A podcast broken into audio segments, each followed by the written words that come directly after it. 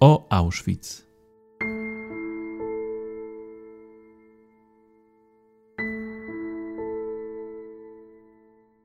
Historia obozu Auschwitz jest niezwykle złożona. Łączył on dwie funkcje: obozu koncentracyjnego i ośrodka zagłady. Nazistowskie Niemcy prześladowały w nim różne grupy ludzi, a kompleks obozowy nieustannie rozbudowywano i przekształcano. W podcaście o Auschwitz mówimy o historii obozu oraz o naszej współczesnej pamięci o tym szczególnym miejscu.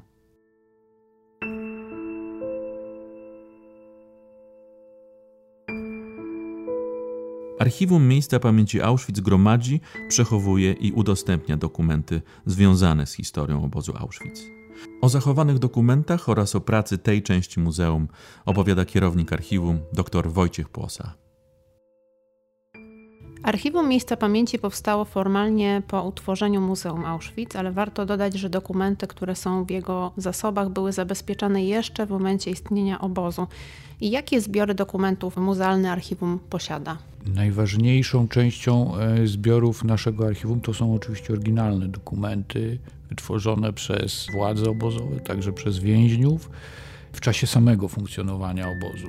Tutaj oczywiście należy dodać, że mniej więcej od połowy 1944 roku władze obozowe robiły bardzo wiele, aby zniszczyć e, dokumenty w celu zatarcia śladów popełnionych zbrodni. Najczęściej oczywiście czyniono to rękami więźniów. Więźniowie musieli te dokumenty wynosić z biur obozowych, tworzyć stosy, na które te dokumenty zrzucano, podpalano te stosy dokumentów i generalnie w ten sposób y, je niszczono. I dlatego niestety dziś w naszym archiwum jest bardzo niewielka część tej dokumentacji. Oceniamy, porównując to z y, zasobami innych obozów, czy też nawiązując do wspomnień, relacji y, byłych więźniów, którzy pracowali w biurach obozowych, że mamy mniej więcej może 5, może 10% całej oryginalnej dokumentacji. Oprócz tego oczywiście zaraz po mm, utworzeniu y, muzeum, a szczególnie już potem od połowy lat 50. XX wieku, bardzo istotną częścią y, było też oczywiście gromadzenie relacji, wspomnień, oświadczeń, wszystkich tych świadectw byłych więźnianek i więźniów, tych osób, które przeżyły Auschwitz. I to jest też bardzo istotna część naszych zbiorów, podobnie zresztą jak oczywiście relacje dotyczące zaangażowania na przykład y, ludności cywilnej, okolicznej, ziemi oświęcimskiej, która niosła pomoc y, więźniom i więźniarkom Auschwitz w czasie, w czasie okupacji, w czasie istnienia obozu. Wspomniał Pan o tym, że mamy oryginalne dokumenty i że mamy 5 do 10%. Czy to są wszystkie dokumenty, które ocalały, czy jest jeszcze jakiś zbiór, który ocalał, ale do którego nie mamy dostępu? Mam na myśli tutaj archiwa rosyjskie. Tutaj trzeba oczywiście to wyraźnie zaznaczyć, że w momencie wyzwolenia obozu, czyli już od 27 stycznia 1945 roku, szczególnie właśnie wyznaczone do tego jednostki wywiadu sowieckiego NKWD, które wkroczyły razem z Armią Czerwoną na teren Oświęcimia, też wyzwolonego obozu, zagarniały dokumenty y, obozowe, te, których Niemcy nie, nie zdołali zniszczyć. Wielka zasługa w ich ratowaniu, żeby pozostały w polskich rękach, leży tutaj po stronie przede wszystkim personelu Polskiego Czerwonego Krzyża, który już od początku lutego pojawił się na terenie wyzwolonych obozów pod kierunkiem pana doktora Józefa Belerta z Krakowa, który bardzo dobrze to zorganizował. I ci ludzie nie tylko ratowali życie tych wyzwolonych więźniów wymagających pilnej interwencji lekarskiej, żeby uratować ich życie, ale oni także, ci członkowie personelu Polskiego Czerwonego Krzyża ratowali dokumenty tak, aby one nie wpadły w ręce Armii Czerwonej. Ale rzeczywiście wiele dokumentów Rosjanie byli w stanie y, wywieźć. No i one po dziś dzień są w y, archiwach rosyjskich. Poza jednym wyjątkiem, ponieważ na początku lat 90. Y, ubiegłego wieku była taka decyzja ówczesnego prezydenta Rosji, Borysa Jelcyna, który zgodził się na to, żeby część tych dokumentów, dokładnie 48 tomów ksiąg zgonów z aktami zgonów więźniów Auschwitz przekazać do naszego archiwum. Wtedy pojawiły się takie sugestie, no może nawet nadzieje, powinniśmy powiedzieć, dotyczące tego, że być może strona rosyjska zwróci pozostałe dokumenty, ale tak się nie stało. Wiemy oczywiście, jakie dokumenty z Auschwitz znajdują się w zbiorach rosyjskich, ponieważ mamy ich kopie, które otrzymaliśmy w nie najlepszej niestety jakości, ale one się e, rzeczywiście E, dzięki staraniom i muzeum, i naszego Ministerstwa Spraw Zagranicznych, przy dużym wsparciu oczywiście też Ministerstwa Kultury, udało e, pozyskać. Widać wyraźnie, że po wyzwoleniu obozu Armia Czerwona koncentrowała się przede wszystkim oczywiście na dokumentach dotyczących e, sowieckich jeńców wojennych, bo to też była osobna grupa więźniów przetrzymywanych w Auschwitz wyraźnie interesowały ich kwestie związane z, z szpitalami obozowymi. A to być może prowadzi nas do konkluzji, że w kręgu ich zainteresowania leżały na przykład eksperymenty pseudomedyczne. I oczywiście mnóstwo dokumentów spośród tych, które zagarnęli, dotyczy w ogóle budowy i rozbudowy obozu plany architektoniczne, dokumentacja techniczna e, dotycząca poszczególnych budynków obozowych, a także e, te informacje, które dotyczyły ilości więźniów czy też robotników, jacy byli zatrudniani do realizacji tych mm, przedsięwzięć budowlanych i wszystkie dokumenty dotyczące kontaktów władz obozowych y, z firmami, różnego rodzaju firmami y, prywatnymi, które wykonywały zlecenia na potrzeby właśnie budowy i rozbudowy obozu. To było wszystko częścią tego zainteresowania ze strony, ze strony właśnie sowieckiej i tego rodzaju dokumenty po dziś dzień właśnie spoczywają w rosyjskich archiwach. Y, dostęp do nich jest bardzo utrudniony. Jakie grupy dokumentów oryginalnych możemy wyróżnić e, w muzealnym archiwum? Y, dokumenty przede wszystkim odzwierciedlają funkcjonowanie administracji obozowej, która składała się z sześciu wydziałów. Y, te wydziały oczywiście realizowały konkretne, przewidziane dla nich zadania. I ten system administracji obozowej to nie była jakaś nowość prowadzona dla obozu Auschwitz, ponieważ ten system wymyślono już w 1933 roku, kiedy powstał pierwszy obóz koncentracyjny kierowany przez SS w Dachau y, w okolicach Monachium. Widać wyraźnie, że w, y, z chwilą, kiedy podjęto decyzję o tym, żeby te dokumenty niszczyć, zaczęto niszczyć te bardzo wcześnie y, powstałe i te najpóźniejsze.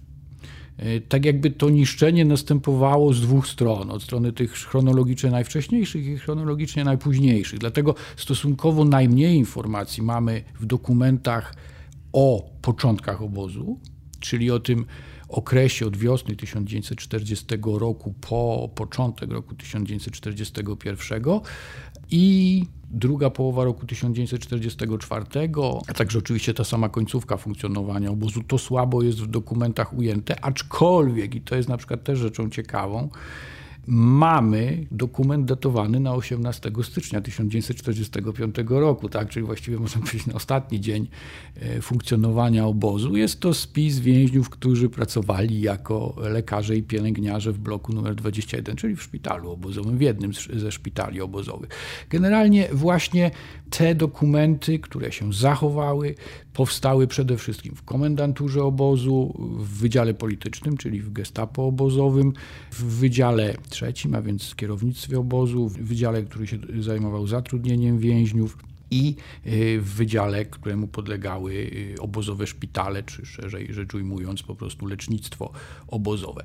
Oczywiście wśród tych dokumentów są także takie, które wytworzyli sami więźniowie. Pamiętajmy, że więźniowie nie Żydzi mieli ten przywilej prowadzenia korespondencji. Mogli wysyłać listy do rodzin poza obóz i mogli otrzymywać korespondencję. Oczywiście oficjalna korespondencja musiała być prowadzona w języku niemieckim, ponieważ treść tych listów była kontrolowana przez SS-manów, zanim one zostały wysłane, tak aby nie można było pisać y, prawdy o sytuacji w obozie, o tej rzeczywistości obozowej, o stanie zdrowia więźniów, więc każdy taki fragment, który mógł się wydać SS-manowi cenzorowi podejrzanym, był po prostu wycinany z, y, z listu obozowego.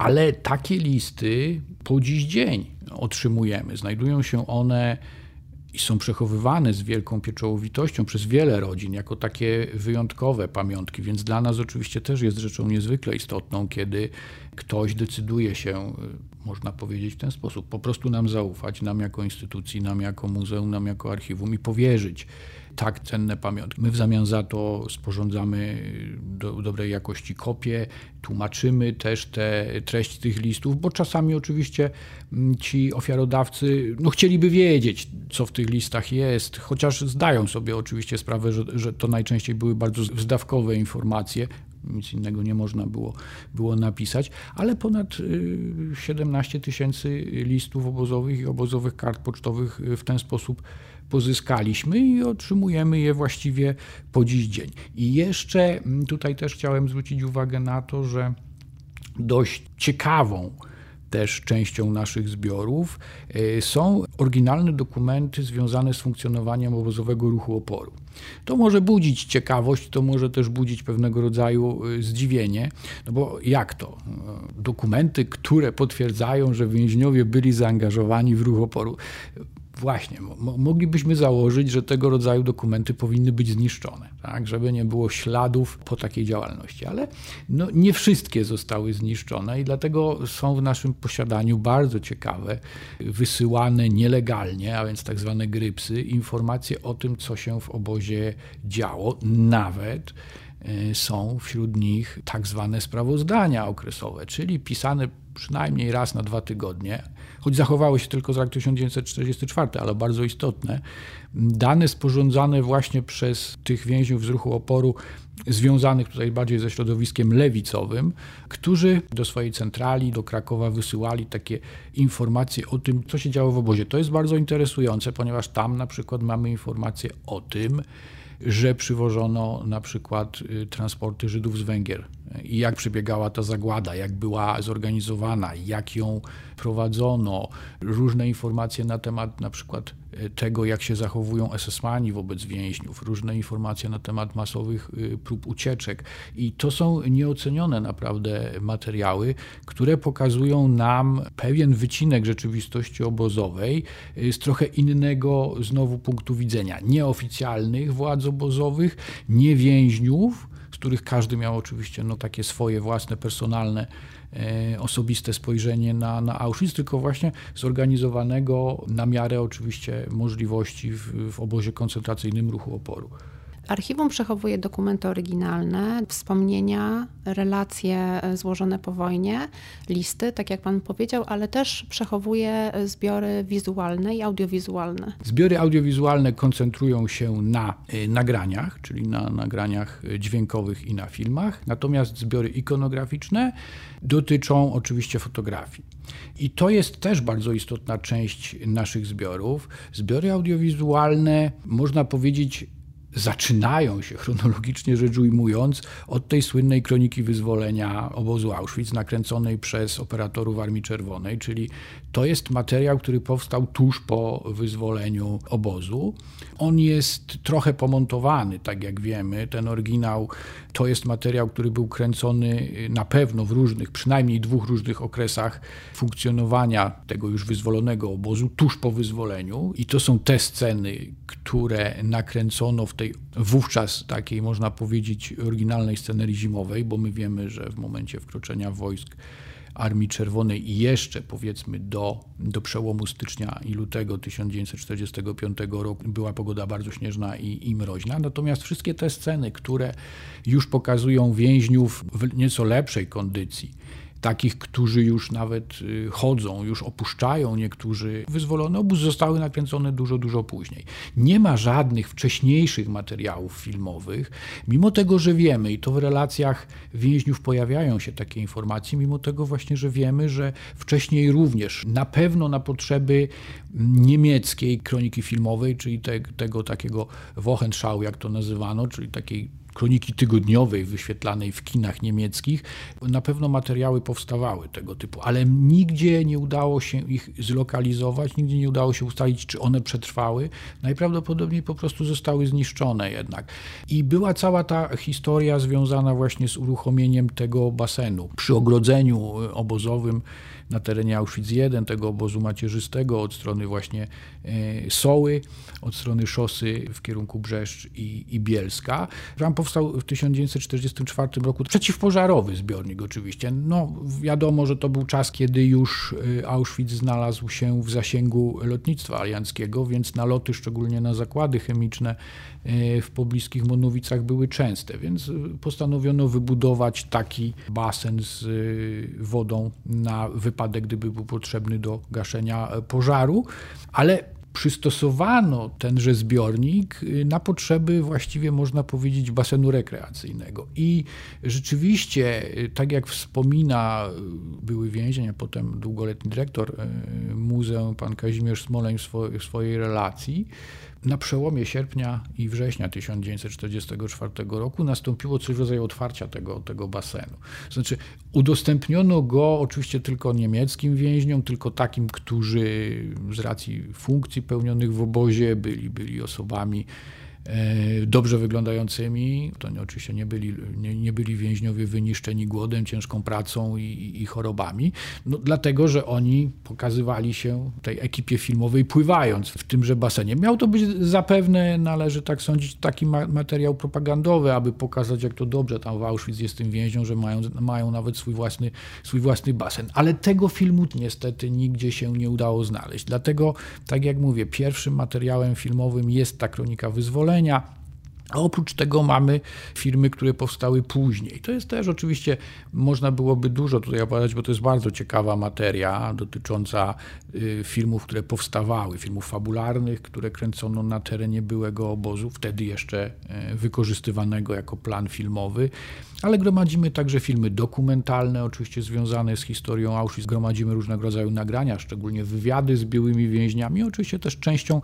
naszej pracy przez bardzo długi czas było takie nagrywanie y, wywiadów, najpierw tylko na, na, na taśmy magnetofonowe, ale później już także i kamerami cyfrowymi. Odwiedzali nas byli więźniowie, były więźniarki i czasami to były bardzo wzruszające spotkania. Opowiadali o swoich przeżyciach bardzo ciekawie Pamiętam też taką historię, że nagrywaliśmy rozmowę z panią Ewą Mozeskor, która ze swoją siostrą Miriam była, była więziona w Auschwitz jako, jako bliźniaczki. Były one ofiarami tych pseudomedycznych eksperymentów doktora, doktora Mengelego i, i pamiętam tą, tą bardzo wzruszającą, długą rozmowę z, z panią Ewą Mozeskor, która bardzo ciekawie i bardzo przejmująco o swoich przeżyciach opowiadała po czym niecały tydzień później dowiedzieliśmy się, że zmarła. Także można powiedzieć, że być może to był ostatni wywiad, jakiego Ewa Mozyskor przed swoją śmiercią udzieliła.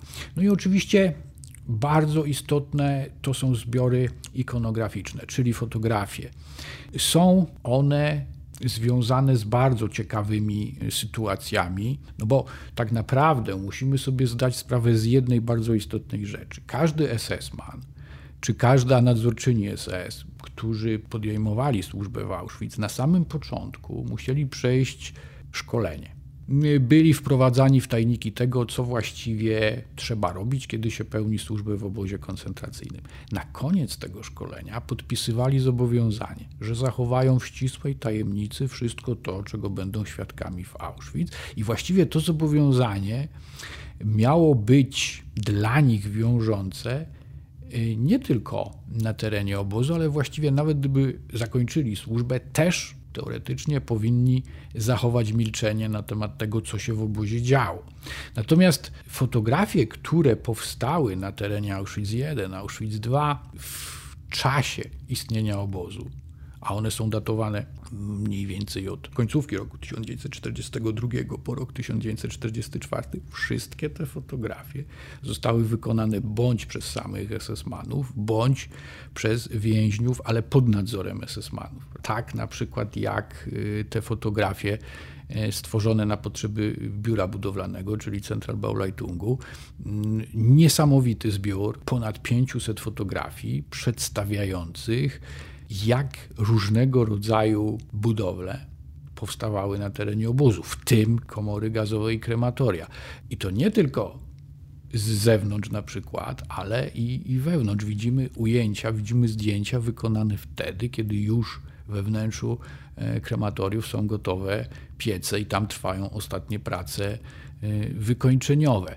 To jest rzeczywiście też e, bardzo specyficzne źródło historyczne, podobnie jak chociażby fotografie wykonane przez Bernarda Waltera na rampie w Auschwitz. Dwa, w Birkenau w czasie, kiedy dokonywano selekcji transportów Żydów przywożonych y, z Węgier. On z tego nawet zrobił z tych zdjęć zrobił album, stworzył, stworzył album, który potem miał swoje też bardzo interesujące losy, ale przetrwał i te, i te zdjęcia, oczywiście one są znane i wykorzystywane w wielu projektach, publikacjach, y, natomiast stanowią niesamowicie istotne źródło, bo przemawiają, wydaje się chyba bardziej nawet w sposób przejmujący niż, niż na przykład relacje tych, tych więźniów, którzy y, sami selekcję taką na, na rampie przeżyli.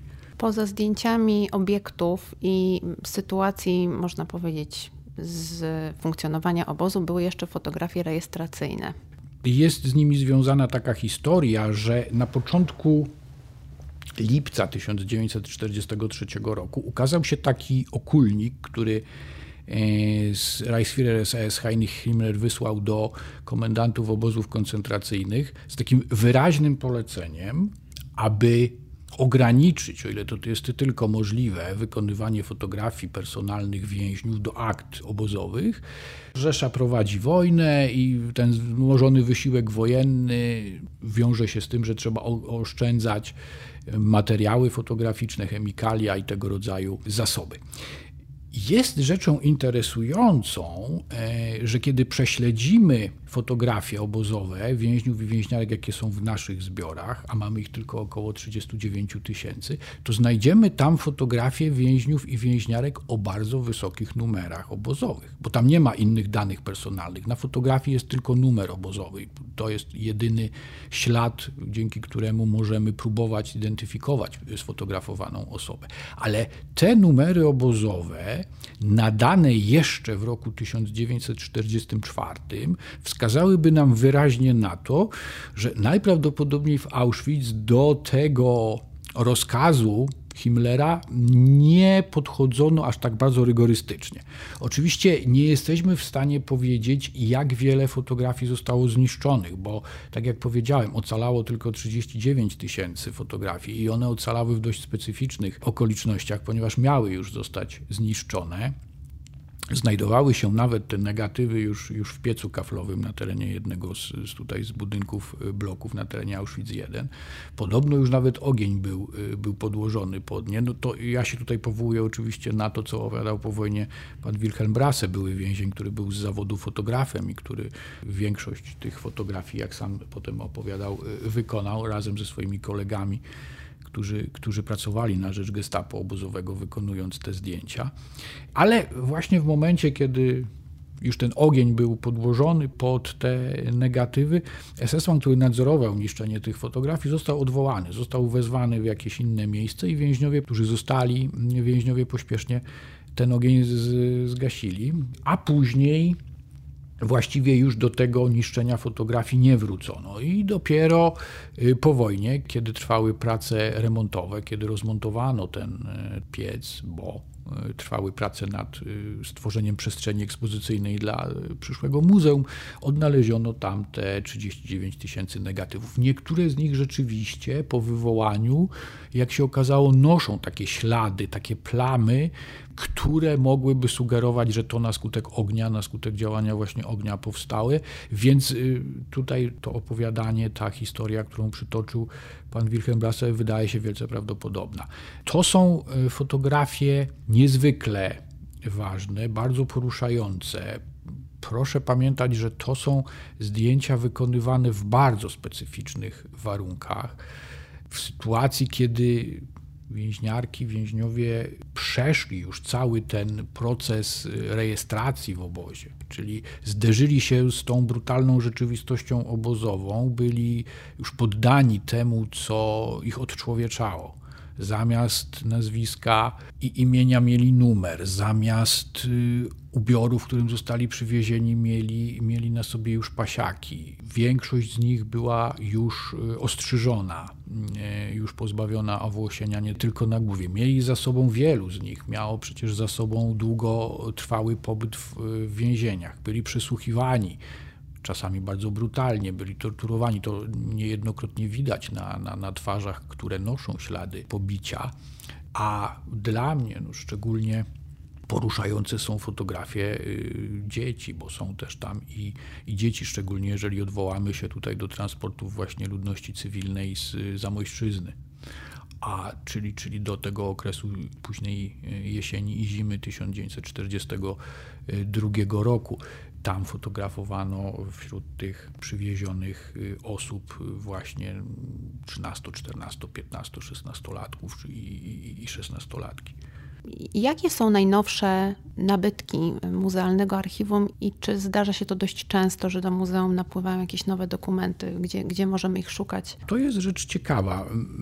Myślę, że możemy powiedzieć, że nawet po dziś dzień y, otrzymujemy nowe, interesujące dokumenty. Nie będę y, tutaj gołosłowny, bo mogę powiedzieć, że w ostatni piątek byłem z wizytą u, u rodziny y, byłego więźnia w okolicach Pszczyny i stamtąd też pozyskaliśmy ciekawe dokumenty do naszego archiwum. Otrzymałem wczoraj przesyłkę, w której mamy dwa dokumenty dotyczące też jednego z, z polskich więźniów, więc na pewno y, rodziny rodziny byłych więźniów mają jeszcze w swoim posiadaniu też bardzo ciekawe dokumenty. To są oczywiście tego rodzaju dokumenty, które rodzina mogła posiadać, mogła otrzymać w tym kontekście kontaktu z, z więźniem, z osobą, która przebywała w obozie, a więc listy obozowe, a więc właśnie Niestety w przypadku śmierci telegramy o śmierci czy potwierdzenie o śmierci, a więc skrócony akt y, zgonu, jak i władze obozowe miały obowiązek przesłać rodzinie, czy na przykład te informacje o, o przesyłaniu paczek czy drobnych przesyłek pieniężnych. Oczywiście to mówię tutaj w kontekście tych przywilejów, jakie mieli więźniowie y, nie Żydzi, bo, bo więźniowie Żydzi w ogóle byli pozbawieni takiej możliwości prowadzenia korespondencji czy otrzymywania, czy otrzymywania paczek. Oczywiście jesteśmy też w kontakcie z różnymi różnymi instytucjami, archiwami, muzeami i często udaje się pozyskać też, y, przynajmniej w postaci kopii, różne dokumenty z, związane z, z funkcjonowaniem obozu również y, z takich miejsc. A no, zupełnie już taką częścią naszej, naszej archiwalnej kolekcji, która jest bardzo ważna, bardzo wartościowa, aczkolwiek bezpośrednio z, z Auschwitz z historią tego miejsca się nie wiąże, to jest kwestia tak zwanego archiwum Haima Aisa. Jak wiemy, Haim Ais współpracował z grupą polskich dyplomatów, którzy byli pracownikami polskiego poselstwa, jak to wtedy mówiono, czyli polskiej ambasady w Bernie w Szwajcarii i byli zaangażowani w akcję niesienia pomocy Żydom. Oni byli w kontakcie z konsulem honorowym e, Paragwaju w Szwajcarii, który zapewniał im y, dostarczanie niewypełnionych formularzy paszportów. A Haim Ais, ponieważ miał kontakty, mimo że na co dzień mieszkał w Zurichu, ale pochodził z Polski, miał kontakty na terenie okupowanej Polski, on dostarczał informacje o tym, na jakie nazwisko mają być te paszporty wystawiane. Ci ludzie również byli w stanie z terenu właśnie tutaj okupowanej Polski, czy generalnego gubernatorstwa, czy z terenów włączonych do Rzeszy, przesyłać fotografie swoje, bo to jest ciekawe, wówczas można było wystawiać paszporty dla całych rodzin. To znaczy jeden formularz wystarczył dla, na, na całą rodzinę, tylko że były wszystkie e, tam nazwiska wszystkich członków rodziny wpisane i fotografie wszystkich członków rodziny były tam wklejone. I cała ta akcja trwająca mniej więcej od 1942 e, roku po listopad 1943 roku, wtedy kiedy nagle Haimais zmarł na, na serce, objęła, jak się wydaje, nawet i tysiące Żydów. To znaczy, nie jesteśmy w stanie powiedzieć, jak dużo tych paszportów wydano, ale na pewno wiele osób występowało z wnioskami o takie paszporty. Natomiast kiedy one się pojawiły w kręgu zainteresowania współczesnych polskich dyplomatów, a był to rok 2018, wówczas y, też Ministerstwo Kultury podjęło decyzję, że oczywiście państwo polskie zrobi wszystko, żeby te, te dokumenty przejąć I w ten sposób tych 12 paszportów oryginalnych trafiło do naszego archiwum, ponieważ tu właśnie na, na mocy decyzji Ministerstwa Kultury mają się one znajdować w naszych zbiorach. To jest oczywiście dla nas wielkie wyróżnienie i to jest oczywiście też ważna rzecz, że możemy tutaj te niesamowicie ważne dokumenty potwierdzające to zaangażowanie mm, polskich dyplomatów w akcie ratowania Żydów y, przechowywać w naszym archiwum.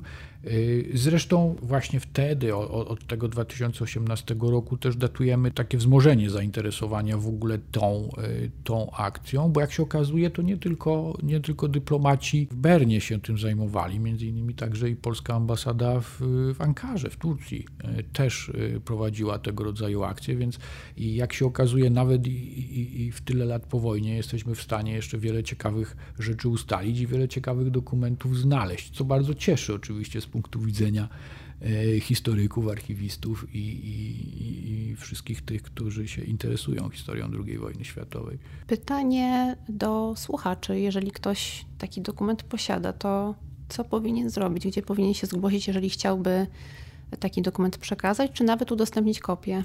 Tak, bylibyśmy za to oczywiście bardzo wdzięczni. E, jesteśmy wszyscy pracownicy archiwum, biura do spraw byłych więźniów otwarci na te kontakty. Nasze adresy można znaleźć na stronie internetowej naszego muzeum. Jest adres pocztowy, adres mailowy, jest telefon. Bardzo chętnie porozmawiamy, bardzo chętnie się skontaktujemy. Zapewniamy, tak jak powiedziałem, e, profesjonalne przejęcie, transport tego typu dokumentów i oczywiście zawsze jesteśmy w bardzo e, bliskim kontakcie z naszymi koleżankami i kolegami z e, konserwacji. Oni przede wszystkim takie nowo pozyskane dokumenty ze swojej strony przeglądają, przygotowują je do niezbędnych zabiegów konserwatorskich i je przeprowadzają, bo czasami zdarza się rzeczywiście, że, że otrzymujemy może w niezbyt y, dobrym stanie takie, takie dokumenty, no ale to jest związane oczywiście z tym, że czas jest nieubłagany, a w niektórych sytuacjach trzeba działać szybko, więc będziemy oczywiście bardzo, bardzo wdzięczni za, każdy, za każdą informację, za każdy kontakt. I tak jak powiedziałem, zawsze się staramy odwdzięczyć, zawsze możemy wykonać kopię, zawsze możemy dokument przetłumaczyć, zawsze możemy w jakiś inny sposób pomóc, sprawdzić, czy są inne dokumenty dotyczące tego więźnia, które może uzupełnią dla rodziny jego historię, więc tego typu kontakty byłyby dla nas oczywiście bardzo istotne.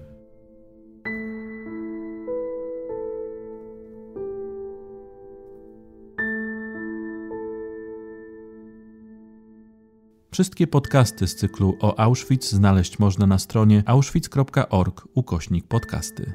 Prosimy o wsparcie naszej misji i udostępnianie naszych podcastów w mediach społecznościowych.